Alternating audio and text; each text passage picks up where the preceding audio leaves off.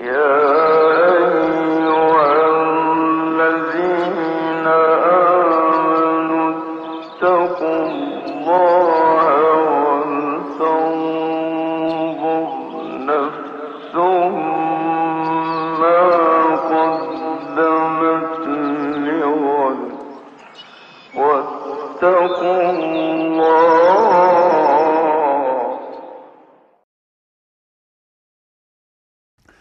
Bismillahirrahmanirrahim. Elhamdülillahi Rabbil alemin. Ve salatu ve selamu ala Resulina Muhammedin ve ala alihi ve sahbihi ecma'in. İmam Birgivi'nin Et-Tarikatul Muhammediye diye isimlendirdiği kitabını ders olarak okuyoruz. Bu dersimizde İmam Birgivi rahmetullahi aleyhin kitabını planladığı şekilde takip ettiğimiz için Kur'an'a sarılmak, Kur'an Müslümanı, Kur'an'a iman eden Müslüman olmanın gereği olarak Kur'an'a sarılmak konusunu işledik. Bir işleyeceğiz. Bir önceki dersimizde ayetler okuduk. Bu ayetlerde İmam bir gibi rahmetullahi aleyh Kur'an-ı Kerim'e sarılmak gerekiyor mesajını veren ayetlerden bazılarını sıralamıştı. Şimdi ise Kur'an-ı Kerim'e sarılmanın Kur'an-ı Kerim ile yaşayan Müslüman olmanın vurgusunu yapan hadisi şerifleri zikredecek. Daha önceki dersimizde zikretmiştik. İmam Birgivi At-Tarikatul Muhammediye isimli kitabını planlarken e, Muhammedi bir yöntemle Müslümanlık yaşamanın birinci bölümü olarak Kur'an'a ve sünnete bağlı kalmak, Kur'an ve sünnete ters düşen düşünceler ve ortamlardan uzak kalmak gerekeceğini vurgulamıştı. Bunun için Kur'an-ı Kerim'e bağlı kalmak, Kur'an-ı Kerim'e sarılmak, kitaptaki kullandığı ifadesiyle el-i'tisam bil kitabi. Kitaba yapışık kalmak, kitapla yani Kur'an'la beraber olmak üzerinde hadisi şerifler okuyacağız. Hadisi şerifleri sırayla okuyalım. Ee, inşallah bu hadisi şeriflerden şu noktaya çıkacağız. Müslüman Kur'an'la yapışmış, Kur'an'la aynı çizgide yürüyen bir hayat yaşar. Ee, asıl maksadını İmam Birgivi'nin rahmetullahi aleyh elbette bilecek halimiz yok. Ee, kitabından ne düşündüğünü e, özellikle çıkarmaya çalışıyoruz. Ee, İmam Birgivi bid'atler ve şeriat ekseninden e, ayrı bir ortam oluşturan fitne fesada karşı bu kitabı yazma ihtiyacı hissetti. Ee, bunun özellikle Kur'an, özellikle sünnet, şeriatın ana çizgisi olan bu iki temel korunmalıdır mantığı e, kitabında ortaya çıkacak. Sonunda bunu anlayacağız inşallah. Bu hadisi şerifleri şimdi bu derste okuyacağımız hadisi şerifleri Müslümanın Kur'an'a yapışmış, Kur'an'dan taviz vermeyen, Kur'an-ı Kerim'i Resulullah sallallahu aleyhi ve sellem gibi anlayan ve yaşayan Müslüman olmak gerektiğini göreceğiz.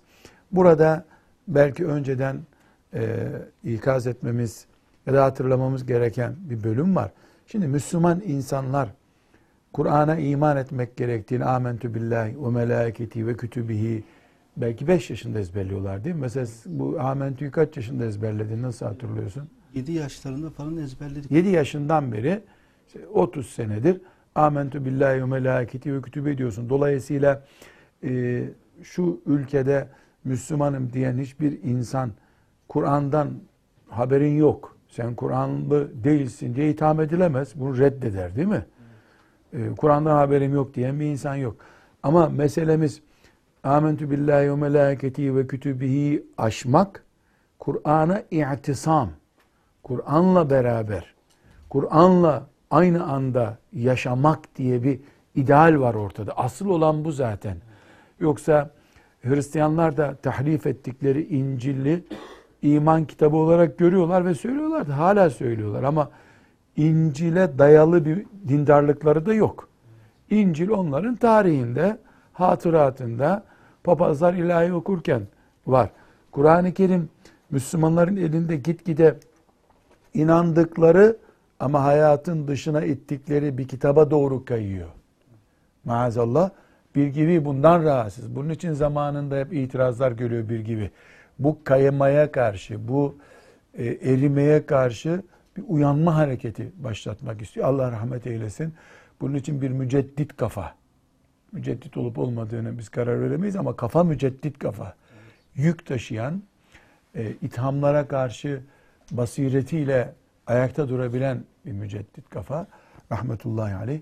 Bu sebeple Kur'an'a inanmak evet imanın esası ama Kur'an'a yapışarak yaşamak.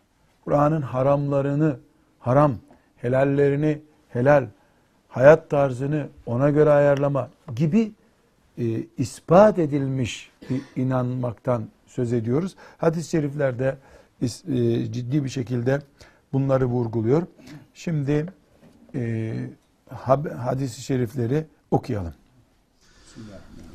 El ahbaru haberler. Tabi haber deyince e, haber, eser, hadis hepsi aynı anlamda kullanılıyor. Yani Peygamber aleyhisselamdan, ashab-ı kiramdan ve tabiinden e, bize aktarılan bilgiye haberler, evet. akbar diyoruz. Buna hadis de deriz, eser de deriz. Evet. Ahrecet Tabarani fi Mu'cemil Kebir. Mu'cemil Kebir'de Tabarani bu hadisi tahric etti. Yani e, bu hadisin senet ve met, metin olarak Tabarani'nin Mu'cemil Kebir'inde geçmektedir. Bu anlama geliyor. Yani diğer daha e, akılda kalacak bir ifadeyle dipnot. Yani bir insan bu hadisi hem ravi silsilesiyle hem de metin olarak görmek istediği vakitte bu kitaba e, müracaat ettiğinde bu hadisi şerifi görebilir. An Ebi Şureyh radıyallahu anh Ebu Şureyh radıyallahu anh'ta rivayet edildiğine göre ennehu kal o şöyle dedi. Haraca aleyna Resulullah sallallahu aleyhi ve sellem Efendimiz sallallahu aleyhi ve sellem bizim yanımıza geldi. Fekal ve şöyle dedi. Eleyse teşhedüne en la ilahe illallah. Allah'tan başka ilah olmadığına şahitlik etmez misiniz? Ve enni Resulullah ve benim de Allah'ın Resulü olduğuma şahitlik etmez misiniz? Hocam bunu etmez misiniz demeyelim. Daha iyi anlaşılmasın. Siz Allah'tan başka ilah olmadığına ve benim Resulullah olduğuma şahitlik ediyor değil misiniz? Mevcut bir pozisyonu e, değerlendiriyor. Kalu bela. Evet öyle şahitlik ediyoruz. Bunu biz şimdi isterseniz söyle Türkçeleştiririz. Ya siz Müslüman değil misiniz? Evet. Müslümanlık var demiyor musunuz? Gibi e, ikrar isteyen bir soru soruyor. Evet. Kale Efendimiz sallallahu aleyhi ve sellem e, onların evet ya Resulallah e, Allah'tan başka hiçbir ilah olmadığına ve senin de Allah'ın Resulü olduğuna şahitlik ederiz dedikten sonra şöyle buyurdu sallallahu aleyhi ve sellem inne hadel Kur'ane tarafuhu biyedillahi muhakkak ki bu Kur'an bir ucu Allah'ın elindedir. Ve tarafuhu bu Kur'an'ın bir ucu da bi eydikum sizin elinizdedir. O zaman fetemesseku bihi bu Kur'an'a sıkıca sarılın, sıkıca tutunun. Fe innekum len tadillu eğer bu Kur'an'a sıkıca sarılırsanız kesinlikle sapmazsınız. Velen tehliku ba'dehu ebeden daha sonra kesinlikle helak da olmazsınız. Ba'dehu ba'del Kur'an.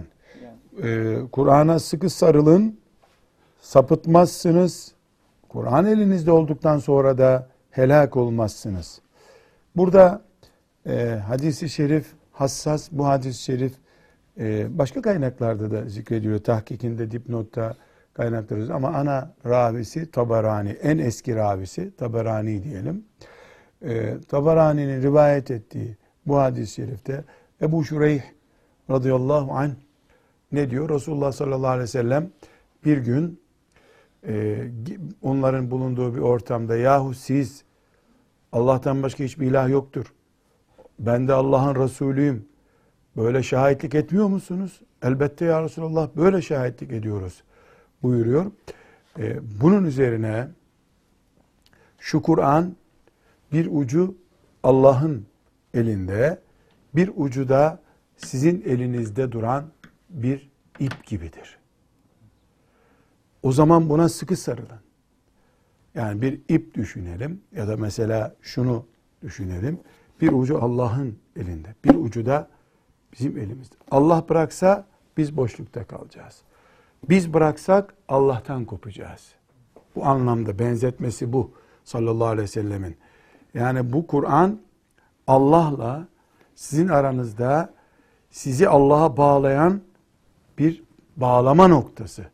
Dolayısıyla Allah bırakmaz onun kitabı çünkü. Siz Kur'an'ı bırakarsanız boşlukta kalırsınız. O zaman siz buna sımsıkı tutunun. Fetemessekû bihi. Sımsıkı tutunun ki boşlukta kalmayasınız. Eğer becerip Kur'an'a sımsıkı tutunursanız sizin için sapıklık olmaz bir daha. Elinizde o Kur'an'dan sonra da bir daha helak olma tehlikesi de olmaz biiznillah. Kur'an'ımızı hangi gözle incelememiz gerektiğini bu Ebu Şureyh hadisi bize izah ediyor. Ama şimdi biz e, burada bu okuduğumuz hadisi şeriften yola çıkalım. Efendimiz sallallahu aleyhi ve sellemin bu şu Kur'an bir ucu Allah'ın elinde bir ucu sizin elinizde ifadesine başlama tarzına dikkat edin. Eleyse teşhedûne en la ilahe illallah ve enni Resulullah Eleyse teşhedûn siz la ilahe illallah Muhammedur Resulullah demiyor musunuz? E diyoruz ya Resulallah. Madem öyle Kur'an'a sarılacaksınız. Bu tarz ne anlatıyor?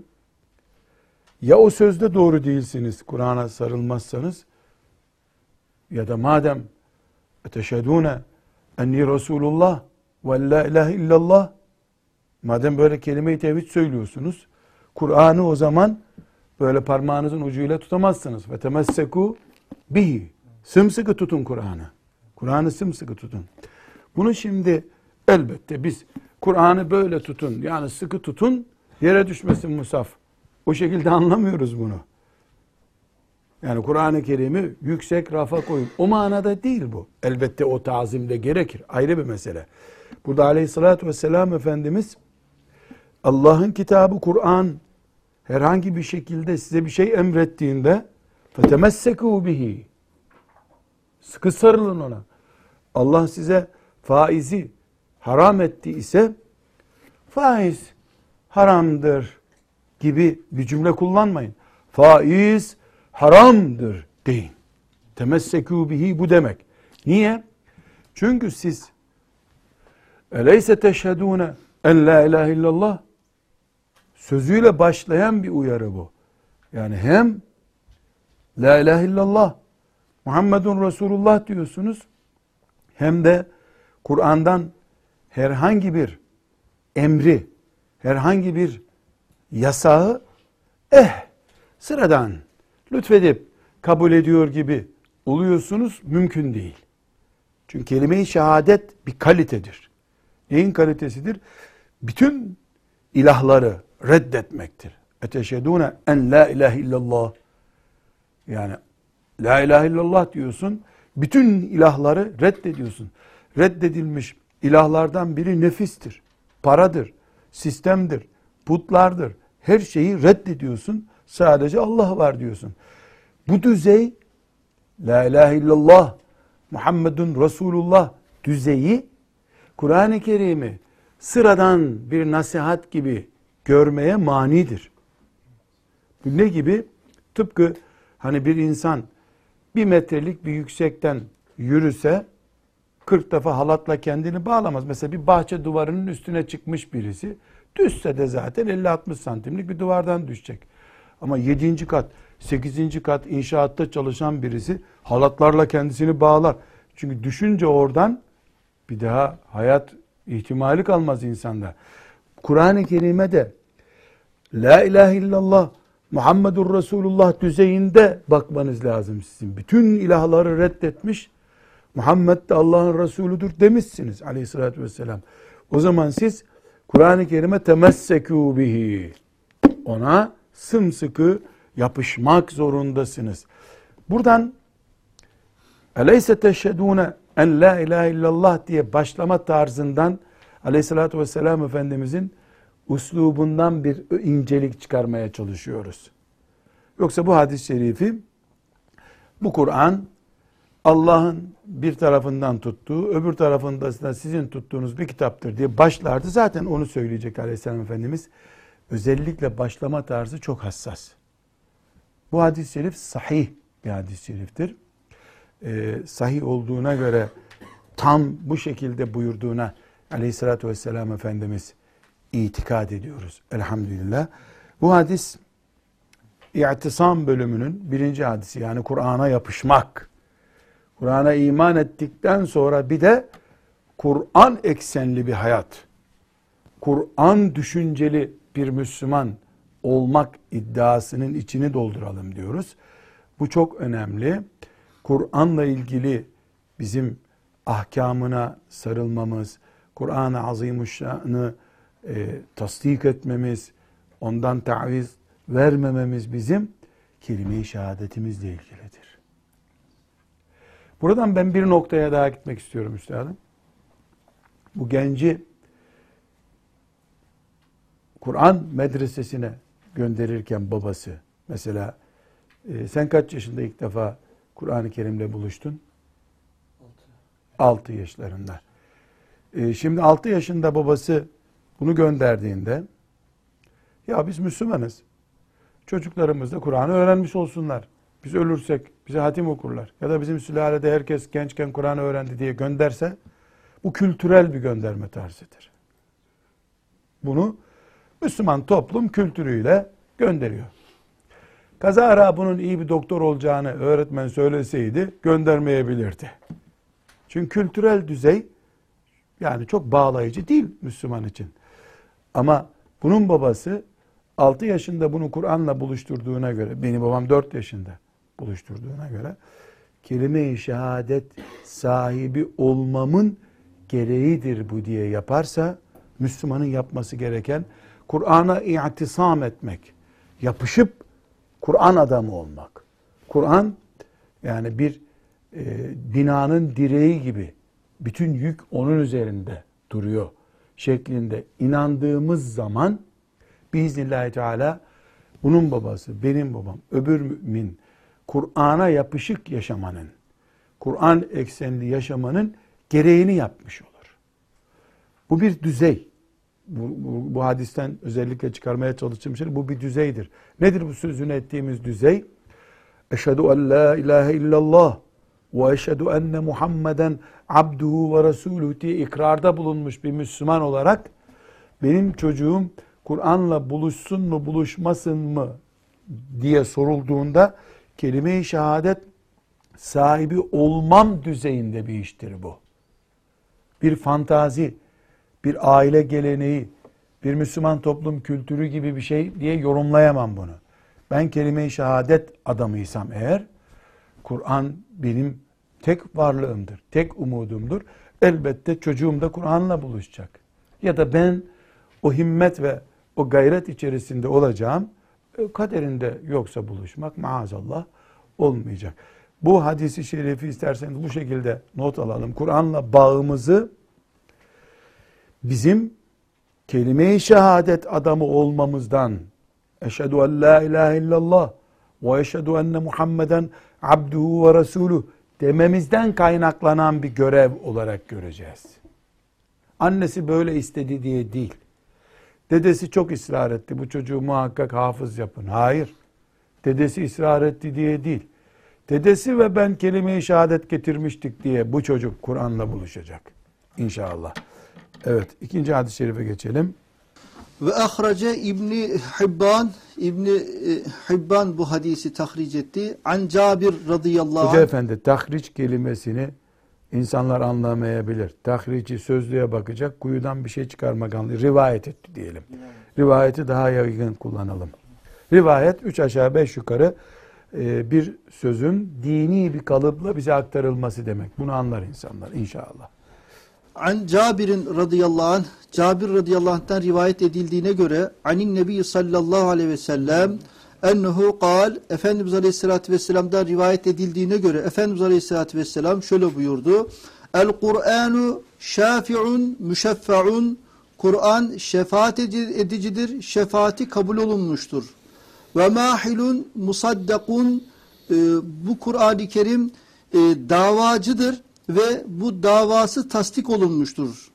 Men cealehu emamehu qadehu ilel cenneti her kim bu Kur'an'ı önüne koyarsa yani onun ahkamıyla amel edip e, onun onunla ahkamıyla amel ederse onu cennete götürür. Ve men cealehu e, halfe zahrihi saqahu ilen nari ama her kim bu Kur'an'ı arkasına koyarsa yani ahkamıyla amel etmezse o, bu Kur'an o kimseyi cehenneme sürükler. Evet. O mahilun musaddakun bir tür savcı gibi yani. Desteklenen bir savcı gibidir bu. Savcı ne yapar? Ee, hukukun savunması için e, dosya hazırlar. Savcı hukuk adına vardır. Kur'an'da Allah'ın hakkını savunan bir savcı gibidir. Ve sözü etkili bir savcı gibidir. Binaenaleyh bu Kur'an müminin perspektifinde, mümin şöyle Kur'an'a baktığında şefaati kabul olunmuş bir şefaatçidir. Yani Kur'an'ın şefaatine sığınan kabul olunmuş bir şefaatle yol alıyor demektir. Aynı şekilde Kur'an Allah'ın haklarını arayan bir savcı gibidir de. Allah'ın haklarını müminsin sen. Allah'ın hakları dosyası da Kur'an'dır. Nedir o? Şirk olmasın. Allah'tan başkasının adı yüceli olmasın. En yüce Allah'ın adı olsun. Vesaire. Namaz olsun. Ebeveyn hakkı olsun. Neyse Rabbimizin kitabında istediği şey Kur'an'ımız adeta Allah'ın haklarının dökümanının bulunduğu bir kaynak gibidir. Şimdi Kur'an'ı kendisine şefaat diye kullanacak olan iyi bir şefaatçi bulmuş olur. Becerip şefaatçi yapamayan Kur'an'ı karşısında Kur'an'ı bir savcı olarak bulur. Bundan da ne anlaşılıyor? Kur'an kimini cennete götürecek, kimini cehenneme götürecek. Bunun sonucu bu. Kimi cennete götürmeyi uygun bulduysa Kur'an, o kurtuldu cennete gitti. Kimi de cehennemlik diye karar verdiyse bu savcıya itiraz yok. O da la Allah Rabbim muhafaza buyursun. O da cehenneme girecek. Burada biz şöyle bir e, haşiye dipnot koymak zorundayız. Şimdi hadisi şerifleri okurken sık sık göreceğiz. Efendimiz sallallahu aleyhi ve sellem mecazi ifadeler kullanıyor. Kinayeler yapıyor. Şimdi Kur'an, aha Allah'ın kitabı, Kur'an-ı Kerim. Bunun neresi şefaatçi ya? Şefaatçi biz bir adama diyoruz.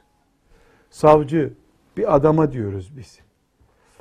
Bu iyi anlayalım diye Efendimiz sallallahu aleyhi ve sellemin örneklendirmesinden kaynaklanıyor. Aksi takdirde Resulullah sallallahu aleyhi ve sellem halkın anlamadığı bir dille konuşmuş olur. Edebiyat yapmış olur. Öyle yapmıyor. Bizim anlayacağımız bir dille. Çünkü biz savcı nedir? Torpil nedir? Bunları çok iyi biliyoruz. E Kur'an azimuşşan. E böyle bir insan değil ki nasıl savcılık yapacak? Kur'an-ı Kerim öyle bir savcı değil. Ama Allah Kur'an'a tutan kulunu görüyor. Kur'an Allah demektir Celle Celaluhu. Yoksa haşa Kur'an'ı böyle bir insan şeklinde tasavvur mu edeceğiz biz? Benim insan olarak Rabbimin kitabına hürmetim, onun emirlerine bağlılığım, yasaklarından kaçınmam gibi boyutunu Allahu Teala görüyor. Sağımdaki ve solumdaki melekler kaydediyor. Bunların mesela 60 sene ben yaşadım. 60 senede 40 senem Kur'an'la beraber olan sene diyelim. Bu ya da olmam gereken. Maazallah ki kopuk bir 40 sene yaşamıştır adam. Zaten bitti onun dosyası. Toplam olarak benim mümin diye bu topraklarda yaşadığım sürede Kur'an'a saygım, Kur'an'a itaatim, Kur'an'ın desteğe muhtaç olduğu zamandaki desteğim, Kur'an fedakarlık istediğindeki yaptığım fedakarlık, Kur'an okurken ki rikkatim, gözümden akan yaşlar, Allah sözünü duyunca ne kadar hassaslaştığım, Kur'an'ı bir sonraki nesle taşırken ki ciddiyetim, fedakarlıklarım, bunların hepsi toplanacak. Rabbim Azze ve Celle Übey ibn Ka'b, Ebu Bekir, Ömer, Osman, Ali, Ebu Ubeyde, Talha, Saad gibi müminlerin de Kur'an'a sadakatlerini, Kur'an'a bağlılıklarını topladı. Toplam olarak mesela işte beşer olarak örnek veriyoruz. Haşa böyle bir şey yok. Toplam olarak Sa'd bin Ebi Vakkas'ın Kur'an'a bağlılığı, teslimiyeti, Kur'an'a aykırı bir iş yapmamadaki gayreti, ciddiliği bin puan oldu. Kur'an onun şefaati için yeterli sayıldı. Kur'an sebebiyle aşire-i mübeşşereden oldu. Neden? Allah ezeli kaderinde ne buyurdu mesela? 500 puanı geçen Kur'an himmetinde, Kur'an dertlisi olmakta 500 puanı geçen kuluma Kur'an şefaat etmiş olsun. Yani onun cennete giriş sebebi o 500 puan olsun. Öbür kulun eksileri 800 oldu. Kur'an ona muhtaç olduğu zaman o gazeteyle meşgul oldu. Allah'ın haramını duydu, laubali davrandı. Ezanı duydu, gevşek davrandı. Eksi 800 Kur'an yüzünden. Toplam ne oldu? Bu adam 500 ile Kur'an'ın şefaatinden cennete girecekti. Eksi 800'den dolayı Kur'an onu cehenneme sürükledi. Yoksa Kur'an böyle gel seni tutukladım diyen bir nesne değil. Kur'an'ın sahibi olan Allah bu işleri yapıyor. Azze ve Celle. E peki niye Efendimiz sallallahu aleyhi ve sellem direkt bunu böyle izah etmiyor? Hayır. Sebep ortada Kur'an ama. Kur'an'a azamet, Allah'a azamettir. Bir önceki hadiste Ebu Şureyh radıyallahu anh'ın hadisinde ifade nasıldı? Bir ucu Allah'ta, bir ucu sizde. Dolayısıyla biz ona e, kitapçıdan aldığımız bir kitap diye bakmadık ki. Allah'ın aramızdaki emaneti diye baktık. Bu bunların hepsinden ne sonuca ulaşıyoruz biz? Şu Kur'an'ımız Müslümanlığımızdır. Müslümanlığımız cennete girme nedenimiz ise inşallah o zaman Kur'an bizi cennete koyacak. Çünkü Müslümanlık Kur'an demek, Kur'an Müslümanlık demektir. Tekrar bu hadisleri okumaya başladığımızdaki e, ifadeye dönmem gerekiyor. Biz eşhedü en la ilahe illallah ve eşhedü enne Muhammeden abduhu ve resulü dediğimiz için standardımız budur bizim. Ya da bu sözü söylememiz bizi otomatik bu standarda çıkarıyor. Bizim ayakkabı numaramız budur artık. Külah numaramız budur. Öbürleri bize olmaz. Kültürel bir etkinlik diye yaptığımız zaman biz o dar gelir bize. Yakışmaz ümmeti Muhammed'e. Allah onlardan razı olsun ya da ashab-ı kiram bu çıtayı çok yüksek tuttular. Çok yüksek tuttular. Kur'an deyince tüyleri diken diken oldu. Bu çıtayı yüksek tuttukları için bize de yüksekten gitmek gerekiyor. Öyle geleneksel olarak herhangi bir şekilde Kur'an-ı Kerim'e haşa e, uzaktan seyreder gibi bakmamız mümkün değil. Benim çok eski yıllarda Mahmud Efendi Hazretlerinden sallamullah dinlediğim bir mesele vardı. Daha sonra bunu temellendirmekte zorlandım. İmam Maturidi'den nakletmişti. Ee, bir yerde Kur'an okunduğunda hafız Kur'an okuyor, sesi çok güzel. Oradaki insan da Allahul azim deyip bitiriyor hafız. Bunun sesi harika ya diyor. Bu sözü iman açısından uçurumdan yuvarlanmak gibi gören bir fetva nakletmişti. İncelik nerede biliyor musunuz? Müslüman bir insan Allah'ın kitabından ayetler okunuyor, okuyanın sesine güzel diyor. Allah'ın kitabından başka bir güzellik olmaması lazım Müslümana göre. Halbuki burada niyet özellikle Kur'an değil güzel. Bu okuyanın sesi güzel yoksa Kur'an güzel olmazdı şeklindedir diye umuyorum. Ya öyle bir bilgim yok. Umuyorum öyle kastetmiştir bu fetvayı veren. Yani aslında bu ayetler güzel değildi haşa. Hafız güzelleştirdi bunu iyi okuyarak. Güzel sesli olmayan bir hafız okusa herhalde iyi olmazdı bu ayetler. Diyenin imanı tehlikeye girmiştir gibi vehmediyorum. Çünkü çok tehlikeli.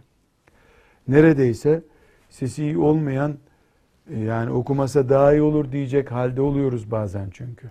Ses etkiliyor. İnşallah öyle değildir ama dedik ya düzey bir defa Allah'ın kitabını Allah kabul etmek Celle Celaluhu. Yani Allah'a imanım o kitaba yansıyor. Bu kitap beni Allah diye ibadet ettiğim Rabbime götürüyor diye düşünmek açısından bakıldığında bu tespit doğru. Bilmem sen bir genç olarak e, bu yani kaynağını şu anda zikredemeyeceğim çünkü belki 40 sene önce dinlediğim bir sohbette dinlediğim bir fetvaydı bu. Bundan sen bir şey çıkarabiliyor musun? Yani Sesi hocam, güzel ifadesinden. Şöyle şüphesiz belki de dediğiniz manada vehmederek düşünmemiz lazım bunu. Yoksa Allah korusun yani Kur'an'ı ikinci plana atıp hafızın veya okuyanın sesine takılmak yani imandan bile çıkarabilecek bir durum olabilir ama öyle düşünülmemiştir. Burada şu sorun var herhalde. Biz bir türlü Kur'an'a yapışmayı akledemediğimiz için veya hatırlayamadığımız için hep hafızlara takılıyoruz, seslere takılıyoruz. Önceliğimiz Kur'an'a yapışmak olarak zihnimizde otursa belki bu hafızın okuyuşunu bile beğenmeyeceğiz. Kur'an'ı batırdı bile diyebiliriz yani ama o noktaya gel. Ya da bu hafızın sesine ne gerek vardı demeyiz. Efendimiz de Ebu Musa ile Şariye Kur'an oku dinleyeyim demiş. Mesele o değil. Yani Kur'an zaten Efendimizin emri var. Güzel sesli okuyun bu Kur'an'ı. Ama mümin güzel sesli olsa da olmasa da imanını birisinin sesiyle tartmamalı. Burada sorun burada. Yani içini doldurmakta sıkıntı çekilince Kur'an'a imanın e, bu sefer ses takviyesi gerekiyor olabilir. Hikmet-i ilahi Müslümanlar güzel sesli hafızları dinlemek istiyorlar. E, kaç yüz tane güzel sesli hafız tanıdığımı bilmiyorum bile. Yani 100, 200 çok küçük rakam geliyor bana. Çoğunda arkadaşlığım var. Okudukları Kur'an'ın, o güzel sesin adamı olanı çok az oluyor onların. Yani o okurken insanlar ağlıyorlar. Tekbir getiriyorlar. O da kaşınıyor. Profesyonel okuyucu oldukları için. Ha, işte bu e, demek ki şeytan bir taraf sesi cazip getiriyor. Öbür tarafa da o sesin cazibesine kapılanlara fors atmayı. Yani onu menfaate, force menfaatini diyelim en azından çevirmeyi tuzak olarak getiriyor. İki taraf içinde Kur'an Rabbimin bir tarafından tuttuğu bağım benim deme şuurunu bu sefer getirmiyor. O zaman biz yani Allah bir gibiye rahmet etsin. Bir gibinin bu başlangıcı çok önemli. Her şey şu Allah'ın kitabını böyle tutma meselesi demek ki. Anlamak sonra gelecek herhalde. Yani e, buna bilmiyorum kör teslimiyet desek mesela. Körü görüne de olsa Kur'an'a teslim olmak. Yani bu bir beşer kitabı değil ki anlat bakalım doğrusu ne eğrisi ne bunun. Yani körü görüne, incelemeden, anlamadan. Zaten kim anlayacak ki tamamını Kur'an-ı Kerim'in?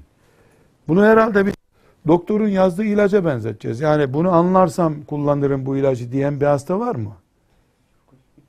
Yani anlamazsam kullanmıyorum bu ilacı. Böyle diyebiliyor mu hasta? Ya da sen beni ameliyat ederken ben de tutacağım bıçağı. Yanlış kesersin. Diyor mu hasta? Yok hatta bazen doktor yazmadan bile kullanıyorlar yani. Yani e, evet ilaç ihdas ediyor insanlar. E, Bu nedenle e, yani bir ilacına doktorun işte ama tabii ondan da Sağlık Bakanlığı onaylı mı diye arıyorsun. Yani Sağlık Bakanlığı'nın ona koca karı ilacıysa ondan tereddüt ediyor insan ama Sağlık Bakanlığı onayıyla satılan bir ilaç, Sağlık Bakanlığı'nda görevli bir doktor e, onu yazmış. İnsanlar açıp bunu bir deneyeceğim, laboratuvara götüreceğim. E, bunun denek olarak kullanıldığı hastalarla görüşeceğim. Ondan sonra bir ilacı kullanacağım. Yani siz doktorsuz mesela Ali abi böyle bir ortam var mı sen? Yani hasta böyle bir şey yapar mı aklı yerindeyse? Ben onun için buradan diyorum ki şöyle bir noktaya gelelim. Yani eğer mümin Kur'an'ı şefaatçisi olarak görmek istiyorsa kıyamet günü yapacağı şey hastanın ilacı öyle anladı anlamadı bakmadan Bismillah dersini içerken. Bunda da zaten Euzubillahimineşşeytanirracim diyerek başlıyoruz. Bismillahirrahmanirrahim deyip Kur'an'a sarılacak mümin. Burada ileriki dönemlerde yeri gelecek okuyacağız.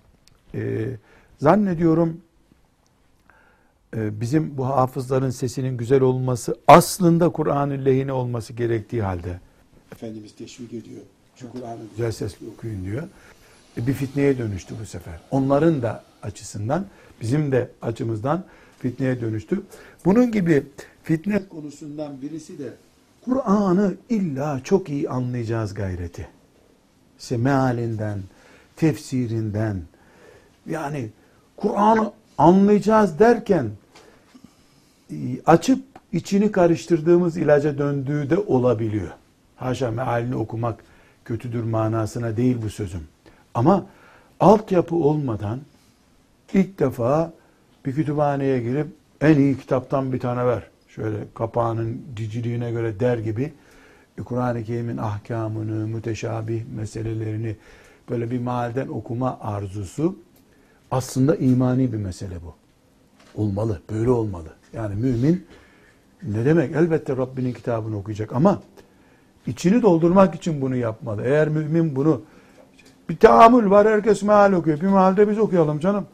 Deyip böyle eczaneden bir kutu ilaç alıp e, tüketir gibi yapması da bir fitne çeşidi. Bu ne yapıyor o arada? Ayak ayak üstüne atıp ya geçen okuduğumuz Bakara 25'teki ayete ters düşüyor bu. Bu sefer Kur'an'ı birbiriyle çelişen ayetlerin bulunduğu bir kitaba da dönüştürebiliyor insan maazallah. Bu elbette bir usul, bir edep, e, kadim ulemanın seyrine, sülüküne dikkat ederek e, yaparsak ancak bundan fayda olur gibi e, uyanmamız gereken tespitleri beraberinde getiriyor. Rabbim muayenemiz olsun. Şüphesiz kolay değil. Bizden önceki nesillerde bu imtihanla bu hayatı devam ettirdiler. Biz de inşallah böyle devam edeceğiz. Üçüncü hadis-i şerife geçebiliriz. Ve ahrece Ebu Davud vel Hakim. Ebu Davud ve Hakim bu hadisi rivayet etti. Hakim Ebu Davud bilinen bir isimdir. Hakimi zikredelim. Hakim Nisaburi. Ebu Davud'un tabakasından sonra yani Ebu Davud düzeyindeki alimlerden sonra gelen özellikle Bukhari ve Müslim düzeyinde hadisler e, tespit ettiğini düşünüp El Mustedrak isimli bir kitapta o hadisleri toplayan çok değerli, büyük hizmetler yapmış bir muhaddistir. Hakim Nisaburi kitabının adı El Müstedrek'tir. İmam Zehebi rahmetullahi aleyh bu müstedrekte e, Hakim Nisaburi'nin işte bu Bukhari düzeyindedir, Müslim düzeyinde dediği puanlamalarına ilaveler yapmış. E, okurken onlara dikkat etmek gerekiyor. Evet. An Sehl ibn Muad radıyallahu anh. Sehl ibn Muad radıyallahu anh'tan rivayet etmişler. O da yani Sehl ibn Muaz da an ebihi. O da babasından rivayet etmiş hadisi. Enne Resulullah sallallahu aleyhi ve sellem Efendimiz muhakkak Efendimiz aleyhissalatü vesselam kal şöyle buyurdu. Men qara'el Kur'ane ve amile bihi. her kim Kur'an'ı okur ve onunla amel ederse ülbise validahu tacen yevmel kıyameti kıyamet gününde anne babasına taç giydirilir. Bir taç giydirilir. Bir taç giydirilir. E, ama öyle bir taç ki dav'uhu ehsenu min dav'iş şemsi fi buyuti dünya lev kânet fikum. Yani o ta- tacın aydınlığı sizin dünyadaki güneşin aydınlığından daha fazladır. Tabii o güneşin ışıklarının e, dünya evinde hissedildiğinden daha fazla hissedilir. فَمَا ظَنُّكُمْ بِالَّذ۪ي عَمِلَ بِهَ- بِهَذَا Bu Kur'an'la amel edilirse o zaman e, düşünceniz nedir? Billezi amile bihaza bu Kur'an'la amel edene ne verileceğini düşünün. Edene ne verileceğini. Evet bu Sehl ibn Muad radıyallahu anh hadisi e, Efendimiz sallallahu aleyhi ve sellem Kur'an okuyan ve onunla amel eden hakkında konuşuyor. Kur'an okuyan ve onunla amel edenin anne babasına bir taç giy. Taç böyle eskiden kralların herhalde e, altından filan yapılıyor onlar. Tam da bir bilgim yok da e, yani metal sarık diyelim. Kralların giydiği. Onlarınki altından işte mücevherler süslü filan oluyor ne nasılsa. E, kıyamet günü Kur'an okumuş, Kur'an'la amel etmiş bir insanın annesine ve babasına taç giydirilir. Bu taç sizin şu dünya örneğiyle anlaşılacaksa eğer evlerinizin tamamını aydınlatan güneşin ışığından daha fazla parlaktır. Bir de siz o Kur'an okuyanın ve onunla amel edenin giyeceği tacı düşünebiliyor musunuz? Burada bu genç kardeşlerim şimdi bu tacı ne yapacağız ki artık krallık yok filan derler belki. Buradaki mesele taç meselesi değil tabi. Köleye, zincirlenmiş birine gel bakalım hesaplaşalım seninle diye kıyamet günü e, ağır hesabın görüleceği meydana çağrılan birisine taç giydirilmez herhalde. Bu giyeceği taç neyi gösteriyor? Farkı gösteriyor. Bu farkın kapasitesi ne? Güneşin her şeyi silip süpürüp her tarafı aydınlattığı gücüne benziyor. Güneş çıktıktan sonra evdeki mum filan etki ediyor mu bir daha? Mumu yaksan anlaşılıyor mu? Anlaşılmıyor. Hatta e, köy yerlerinde yaşayanlar daha iyi bilirler. Bazen yangın hissedilmez. Neden hissedilmez? Tarla tutuşmuş ama güneşin öğle vaktinde ateş görülmüyor. Güneş söndürüyor onu. Sonra dumanlar yükselince eyvah burada ateş yanıyor düşünülüyor. Güneş o kadar güçlü. Demek ki kıyamet günü Allahu Teala kullarını huzuruna çağırdığında kullarının hesabı görülürken ya da kullarına izzeti ikram yapılırken, kulları değerlendirilirken hafızın, Kur'an ehlinin, Kur'an okuyanın ve onunla amel edenin anne ve babasını örneklendiriyor. Hafız da Kur'an okuyanla bir şey söylemiyor. Kur'an okuyana bir şey söylemiyor. Sadece فَمَا ظَنُّكُمْ بِالَّذ۪ي قَرَأَهُ وَعَمِلَ بِهِ diyor. فَمَا ظَنُّكُمْ فَمَا ظَنُّكُمْ Onu siz düşünün. Ne dersiniz? Ona ne yapacak acaba? Ya da düşünebiliyor musunuz? Ya da evet ya da düşünebiliyor musunuz? Anne ve babası bir ikram görüyor. Bütün müminlerin üstüne çıkıyor o ikramla. Hatta e, başka bir hadisi şerifte melekler peygamberler geçmişti. Bu nereden geldi zannedeceklermiş bu zatı. Bu anne babayı. Yani öyle bir itibar görecekler ki melekler onu peygamberlerden biri zannedecek. Daha peygamberler en önden gittiler. Son peygamber herhalde böyle sonlarda kalmış bir peygamber gibi gelecek. Elhamdülillah. Bu Biraz önce dedik ya, kelime-i şehadet standardından dolayı çocuğunu Kur'an'la buluşturan adamın, annenin vasfı.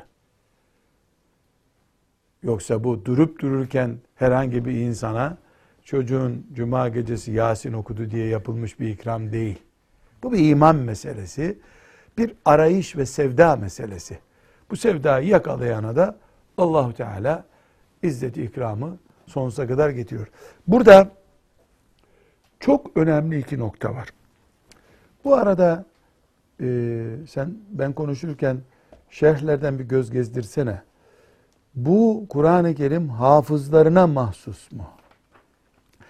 Kur'an-ı Kerim'in okuyan ve amel edeni diyor çünkü. Yani hafız diye kayıt konuyor mu? Bakalım bu çok önemli bir nokta. Bu ve benzeri hadis-i şerifler. Hafızları değil, Kur'an okuyanları ve amel edenleri hep öne çıkarıyor. Men kara'a bihi ve men kara'ahu ve amile bihi ve amile bihi. Bu e, eğer okumaksa söz konusu, okumayı prensipleştirmiş birisi demek ki müthiş bir şey yakalıyor. Bir, bu açıdan bakacağız buna. Siz bunu gençler e, bir soru olarak yazın. Yani Ebu Davud'un rivayet ettiği e, men kara'el Kur'ane ve amile bihi hadisinde ki bu rivayetle ilgili burada mesela deyin ki 35. sayfada e, 3. hadis-i şerifte men kara'el Kur'ane ve amile bihi ile ilgili araştırdığınız, incelediğiniz konular arasına koyun bunu. Birinci soru burada bu hafız kelimesini kullanmıyor. Kur'an'ı ezberleyen kelimesini kullanmamış. Öyle ya rahmeten lil alemin olduğu için kullanmamıştır. Bu çok müthiş bir şey. Evet hafız herkesten çok okuyor ama her gün yatmadan üç sayfa okuyup yata, yatağına giren, sabahleyin evimden çıkmadan bir sayfa muhakkak okuyayım. Yani Kur'an itiyadı olan. Mesela iPad'ler var şimdi, cep telefonları var. Onu da Kur'an-ı Kerim koyuyor. Ee, bir parkta 5 dakika bekleyeceği zaman açıyor cep telefonundan bir sayfa Kur'an okuyor. Adamın zevki Kur'an okumak. Bu okuyor demek ki. Eğer şehirlerde şimdi bakıyoruz ki benim aklımda hafız kelimesi yok. Daha önce epey incelemiştim bu hadis-i şerifi. Hafız için değilse ümmetimiz rahmete gark oldu demektir elhamdülillah. Kur'an okumayı bildin tamam. Bu bir. Bir taraf daha var o biraz kırmızı yazı ve amile bihi diyor. Ve okuduğuyla amel edecek. Yani bir cüz Kur'an okuyor, e, bir dosyada faiz dosyası açtırıyor bankada. Yani Kur'an'ın emirlerine ve yasaklarına tersleşmiş birisi okusa da bir fayda yok. Bu da ikinci boyutu. Bunu da notlara katalım. Demek ki Peygamber sallallahu aleyhi ve sellem muazzam bir sevap bolluğu vaat ediyor. O kadar ki anne babasının giyeceği şeyler, taç, annesinin babasının giyeceği taç, ya dünyada güneşin her tarafı aydınlattığı gibi mahşerde fark oluşturacak. Kıyamet günü. Hadis-i şerifimiz sahih bir hadis-i şerif. Bunun gibi birkaç hadis-i şerif daha var. Bir gibi rahmetullahi aleyh bunlardan bir tanesini seçip buraya koymuş. Ama amel etmek diye bir kayıt koyu. Var mı bulduğum bir not? Hocam Hadimi demiş ki tecvid ve tertiline riayet edecek demiş. Yani ezberlemek yok. Allahu Ekber diyelim hep beraber. Tecvid ve tertil. E zaten e, güzel bu notu iyi oldu zikrettiğimiz. Yani ileride Kur'an'ın okuma tertibinde bunları zikredeceğiz ama zaten tecvidine riayet etmeden Latince alfabeden Kur'an okunmaz. Buna Kur'an demiyoruz. Tertil nedir? Huşu içerisinde yani ayak ayak üstüne atıp televizyon izlerken hem gazeteye bakıyorsun hem Kur'an okuyorsun. He haşa bu, zaten Kur'an'ı gelmez. Saygısızlık olur. Buna okumak değil. Yani günah de, demek zorundayız. Buna günah demek mecburiyetinde maazallah. Demek ki edebe riayet ederek okuyanlar da hafızların yürüdüğü yoldan yürürler Allah'ın izniyle. Bu çok müthiş bir şey. Şimdi e, ben buradan bir kapı açmak istiyorum. Hem bu hadis-i şerifte dururuz. Önemli olan bizim e, kitap sayfası devirmemiz değil. e, gıdayı hazmetmemizdir Allah'ın izniyle. Şimdi ben anne babalara destek için bu cümleyi kullanayım. Çocuğumu hafız yapamadım. Bu bir kayıptır. Çünkü hafızlık bunun yüzde yüz garanti altına alınması demek. Bu lütuf hafızlıkla garanti altına. Hafız çünkü okuyor. Bir de amile bihi yapınca hafızlık yani Kur'an'la da amel ediyor. Yürüyen Kur'an olduysa bu hafızın bastığı yerlere paspas olmak lazım. Ama hafızlık imkanı yok. Çocuğumuz hafız olmadı değil mi? Siz medreselerde görmüşsündür. Ana baba eti senin kemiği benim. Ee, ondan sonra ne yaparsan ya buradan cesedi gelecek, hafız gelecek filan. Sizin zamanınızda öyle demiyorlar mı anneler babalar? Yani e, biz teslim edilirken işte eti senin kemiği benim e, ifadesiyle Kasaba mı edilirdi. teslim etti seni baban? Yok e, bende öyle olmadı ama genelde çevrede çevremizde Yani öğrenciler bu sadakattan, teslimiyetten kaynaklanıyor. Şimdi beş sayfadan giderken hoca efendi çağırıyor babayı. Bu çocuğun hafız olması mümkün değil diyor. Annenin babanın matem tutması gerekmiyor. Çünkü hafıza çok büyük sevaplar vaat ediliyor ama bu taç kıyamet günü Kur'an okuyan ve onunla amel eden herkesin babasına verilecek inşallah.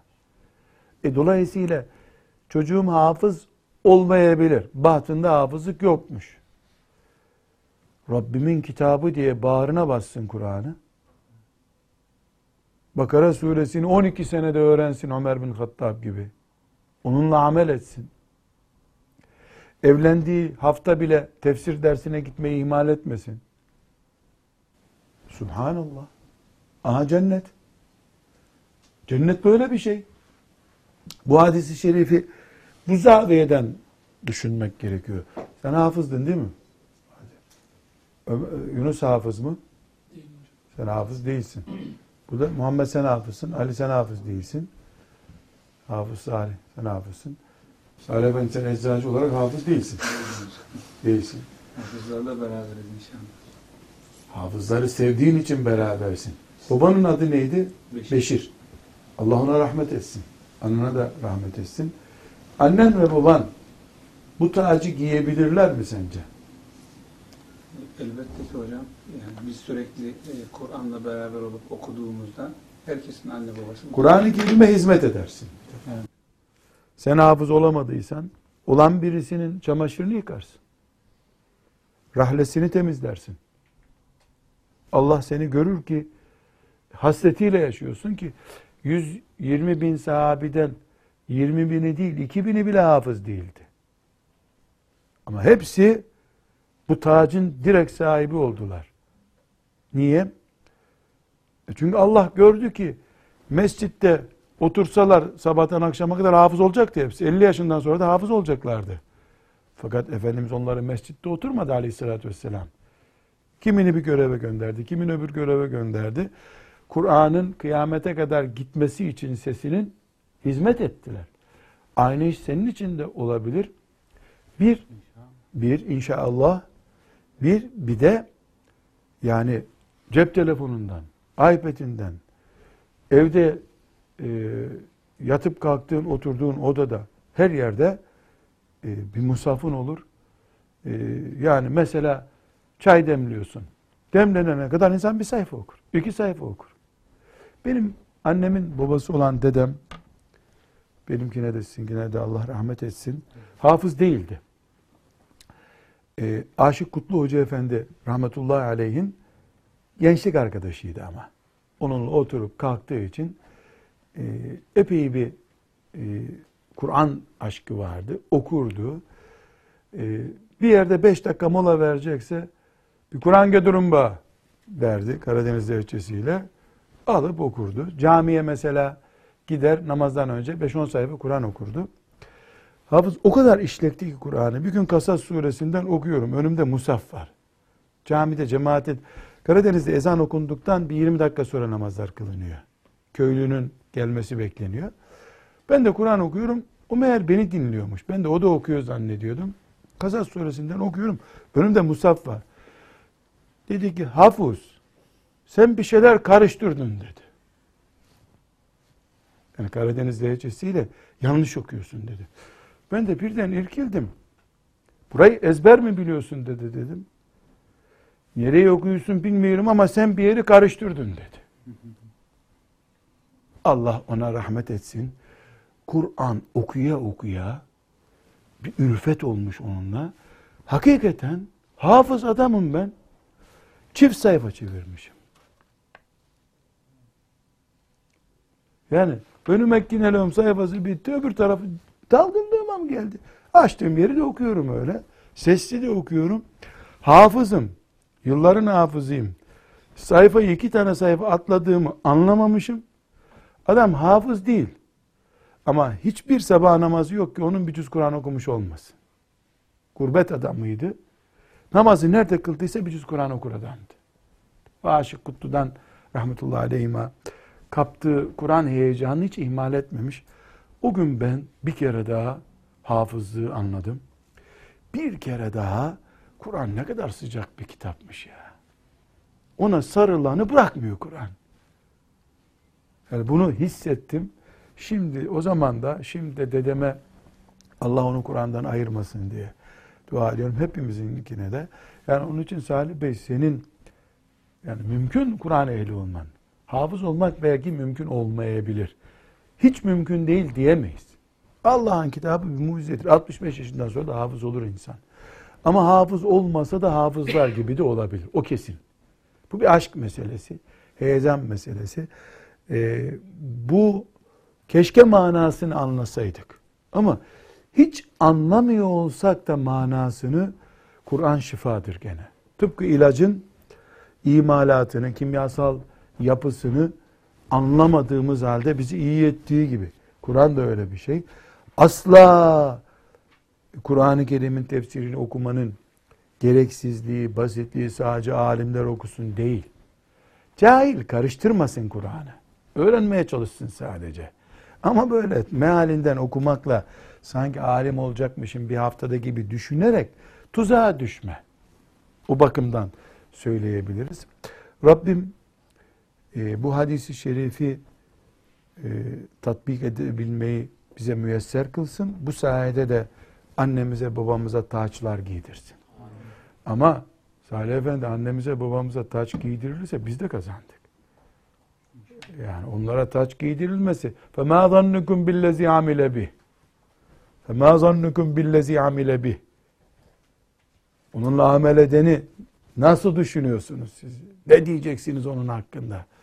İnşallah bu noktada oluruz. Rabbimin lütfuyla, keremiyle. Her şey bir sevda ile başlıyor.